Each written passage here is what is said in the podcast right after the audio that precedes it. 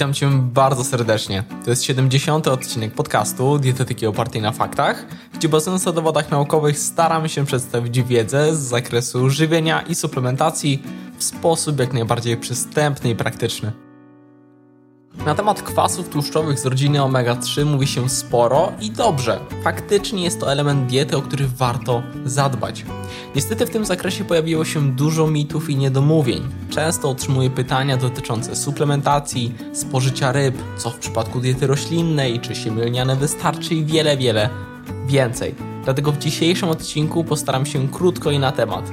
Kwasy tłuszczowe omega-3. Co warto wiedzieć w praktyce? Zapraszam do materiału.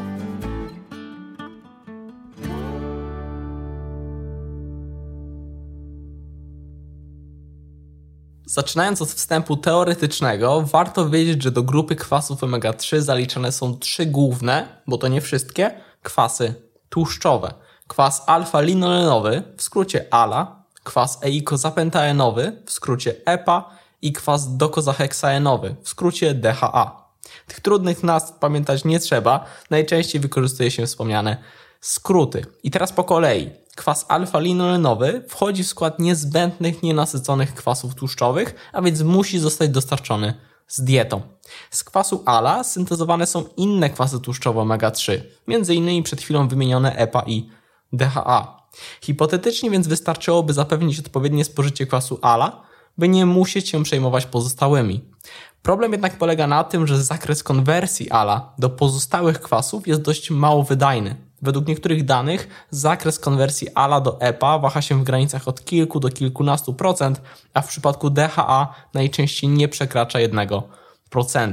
Można się spotkać również z większymi lub mniejszymi wartościami w zależności od źródła, ponieważ zdolność przekształcania kwasu alfa-linolenowego do jej pochodnych, EPA czy DHA, może być różny i zależny od wielu czynników. Przykładowo płci, u kobiet konwersja ta jest bardziej wydajna, od czynników genetycznych, spożycia kwasów omega-6, magnezu, cynku czy niektórych witamin z grupy B. Ogólnie uznaje się jednak, że owa konwersja jest zwyczajnie niska i dlatego prawdopodobnie warto zwrócić uwagę na spożycie wszystkich trzech ALA, EPA i DHA. A dlaczego? Otóż kwasy tłuszczowe z rodziny omega-3 są składnikami fosfolipidów błon komórkowych, gdzie odgrywają rolę budulcową i funkcjonalną. Są niezbędne dla prawidłowego funkcjonowania mózgu na wszystkich etapach życia. Wykazują właściwości neuroprotekcyjne i ich deficyty stwierdza się w przypadku zaburzeń neurodegeneracyjnych. Mają też szczególne znaczenie w czasie ciąży i na początku życia. Mogą wpływać na dojrzewanie układu nerwowego i rozwój funkcji poznawczych u dziecka. Dodatkowo kwas DHA jest kluczowym składnikiem błon komórkowych, m.in. siatkówki oka i tym samym jego niedobór może prowadzić do pewnych komplikacji zdrowotnych związanych ze wzrokiem. Kwasy tłuszczowe omega-3 mogą także wpływać m.in. na metabolizm komórkowy, mogą mieć wpływ na obniżenie markerów stanu zapalnego, to dość popularne stwierdzenie, o tym się dość dużo mówi. Uważa się, że ich odpowiednie spożycie może mieć znaczenie przy chorobach zapalnych. Wydaje się też, że odgrywają one również rolę w kontekście zapobiegania niektórych nowotworów, mogą mieć działanie kardioprotekcyjne, są w stanie znacząco obniżyć stężenie triglicerydów w surowicy mm, krwi. W literaturze naukowej wspomina się także o działaniu antydepresyjnym, o wspomaganiu leczenia niepłodności u mężczyzn, o poprawie insulinowrażliwości i to wciąż nie wszystko. Ich rolę upatruje się też w sporcie w kontekście wpływu m.in. na funkcje poznawcze, na regenerację czy oporność anaboliczną. Generalnie działanie kwasów z rodziny omega-3 w organizmie jest wielokierunkowe, dlatego warto zadbać o ich odpowiednie spożycie. I teraz pojawia się pytanie, jak to zrobić? Zaczynając od kwasu alfa-linoleniowego, według norm żywienia dla populacji polskiej, zalecane dzienne spożycie dla osoby dorosłej kwasu ALA wynosi 0,5% wartości energetycznej diety. Przykładowo, przy spożyciu z dietą 2000 kilokalorii to nieco ponad 1 gram na dzień. Jego źródłem są m.in. różnego rodzaju oleje roślinne, orzechy czy siemię lniane. Przy dobrze skomponowanej, różnorodnej, zdrowej diecie raczej nie ma z nim problemu. Około 1 grama ala dostarcza łyżeczka siemienia lnianego czy pół garści orzechów włoskich. Co natomiast EPA i DHA? Na nie również istnieją rekomendacje, które w przypadku wspomnianych norm wynoszą minimum 250 mg na dzień. Niekiedy zaleca się więcej, są wytyczne, które sugerują spożycie minimum pół grama na dzień, jak i są sytuacje np. u osób z hipertriglicerydemią, gdzie sugeruje się spożycie nawet rzędu 2-3 gramów na dobę. Tu jednak jest nieco większy problem ze źródłami. Otóż jedynym ich źródłem w żywności jest tłuszcz pochodzący z ryb, owoce morza i glony morskie. Trzeba przyznać, że to nieco ograniczony wybór, natomiast przytoczone wcześniej zalecenia, mówię to o minimum 250 mg na dobę, można spełnić spożywając dwa razy w tygodniu rybę, w tym raz tłustą. Nie wydaje się więc to szczególnie trudne, jednak nie wszyscy przypadają za rybami lub są na diecie, w której rezygnuje się z konsumpcji tego typu pokarmów. Nawet według statystyk Polska należy do krajów o małym spożyciu ryb i owoców morza. Co więc w sytuacji, kiedy nie spożywamy wystarczającej ilości ryb?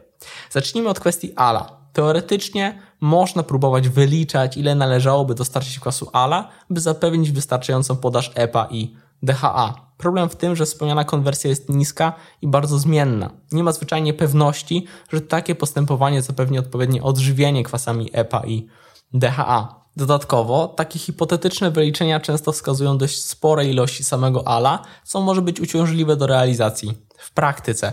Oczywiście próbować można, jak jest możliwość oceniania rezultatów takiej praktyki, na przykład oznaczając indeks omega-3 w błonach krwinek czerwonych.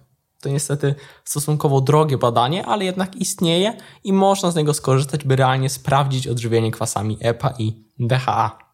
Niemniej, inną alternatywą jest suplementacja. Jeżeli ktoś nie jest w stanie zapewnić odpowiedniego spożycia omawianych kwasów z wykorzystaniem konwencjonalnej żywności, warto rozważyć włączenie suplementacji. Mamy do wyboru m.in. tran czy kapsułki z olejem rybim. Niestety zdarza się, że jakość kwasów omega-3 w suplementach diety może pozostawiać wiele do życzenia, na co wskazują też wyniki niektórych badań naukowych. Publikowane są jednak na szczęście pewne rankingi, przykładowo Instytutu Jakości, w których oceniano preparaty z kwasami omega-3 pod względem rzeczywistej zawartości składników wymienionych na opakowaniu czy liczby nadtlenkowej, co może stanowić pewne odniesienie. Link do niektórych rankingów pozostawię w opisie tego odcinka. Co więcej, istnieje certyfikacja IFOS, która ocenia konkretne preparaty pod względem jakości i suplementy z tego typu certyfikacją również są warte uwagi. Ogólnie, zwyczajnie podczas wyboru preparatu warto nie kierować się tylko ceną, ale również jakością. Co natomiast w przypadku osób na diecie roślinnej? Jak wspomniałem, można postawić wyłącznie na spożycie kwasu ALA, z czym na diecie roślinnej przeważnie problemu nie ma, ale nie ma pewności, że takie postępowanie zapewni odpowiednie odżywienie kwasami EPA i DHA. Sam w praktyce raczej nie jestem do tego przekonany i zachęcam raczej do suplementacji. Wartym rozważenia produktem jest suplement z mikroalg morskich. Olej z mikroalg morskich zawiera dużo więcej DHA niż EPA, lecz ludzki organizm jest zdolny do wytworzenia EPA z DHA. Istnieje jeszcze jeden sposób, a mianowicie spożycie kwasu stearydonowego, w skrócie SDA, który wydajniej konwertuje do EPA i DHA niż ALA, natomiast jego źródła są stosunkowo trudno dostępne, dlatego w praktyce najczęściej wybór pada na olej z mikroalg. No dobrze, a co z wyższymi dawkami, rzędu powyżej 2, 3, 4 gramów EPA i DHA? U ogólnej populacji takie dawki raczej nie mają szczególnego sensu. Istnieją tylko niekiedy realne przesłanki, by w konkretnych przypadkach zwiększyć to spożycie, na przykład mm, jak wspomniałem przy hipertriglicerydemii czy w sportach kontaktowych na przykład wówczas to również może mieć sens. Warto również wiedzieć, że istnieją dowody, iż zbyt duże spożycie rzędu 4, 5 i więcej gramów na dobę może zwiększyć peroksydację lipidów, co nie jest w istocie korzystne i bez powodu zwyczajnie nie warto suplementować bardzo dużych ilości. Dochodząc do podsumowania, o spożycie kwasów tłuszczowych z rodziny omega-3 warto zadbać, dostarczając ALA ze źródeł roślinnych, a EPA i DHA z ryb, owoców morza lub suplementacji. Niekiedy pojawiają się jeszcze kontrowersje dotyczące zanieczyszczeń w rybach, czy ich obróbki termicznej i wpływu na utlenianie kwasów omega-3. Ten temat obszernie poruszyłem w e-booku, czy należy się bać współczesnej żywności, gdzie omawiam też szereg innych zagadnień związanych z popularnymi produktami spożywczymi, by być świadomym konsumentem i wiedzieć czego unikać, a czego niekoniecznie. Link zostawiam w opisie tego odcinka. Mam nadzieję, że ten materiał okazał się wartościowy. Miło mi będzie, jeżeli go udostępnisz, by trafił do szerszego grona. Tymczasem to już tyle ode mnie. Do zobaczenia, do usłyszenia już niebawem. Hej!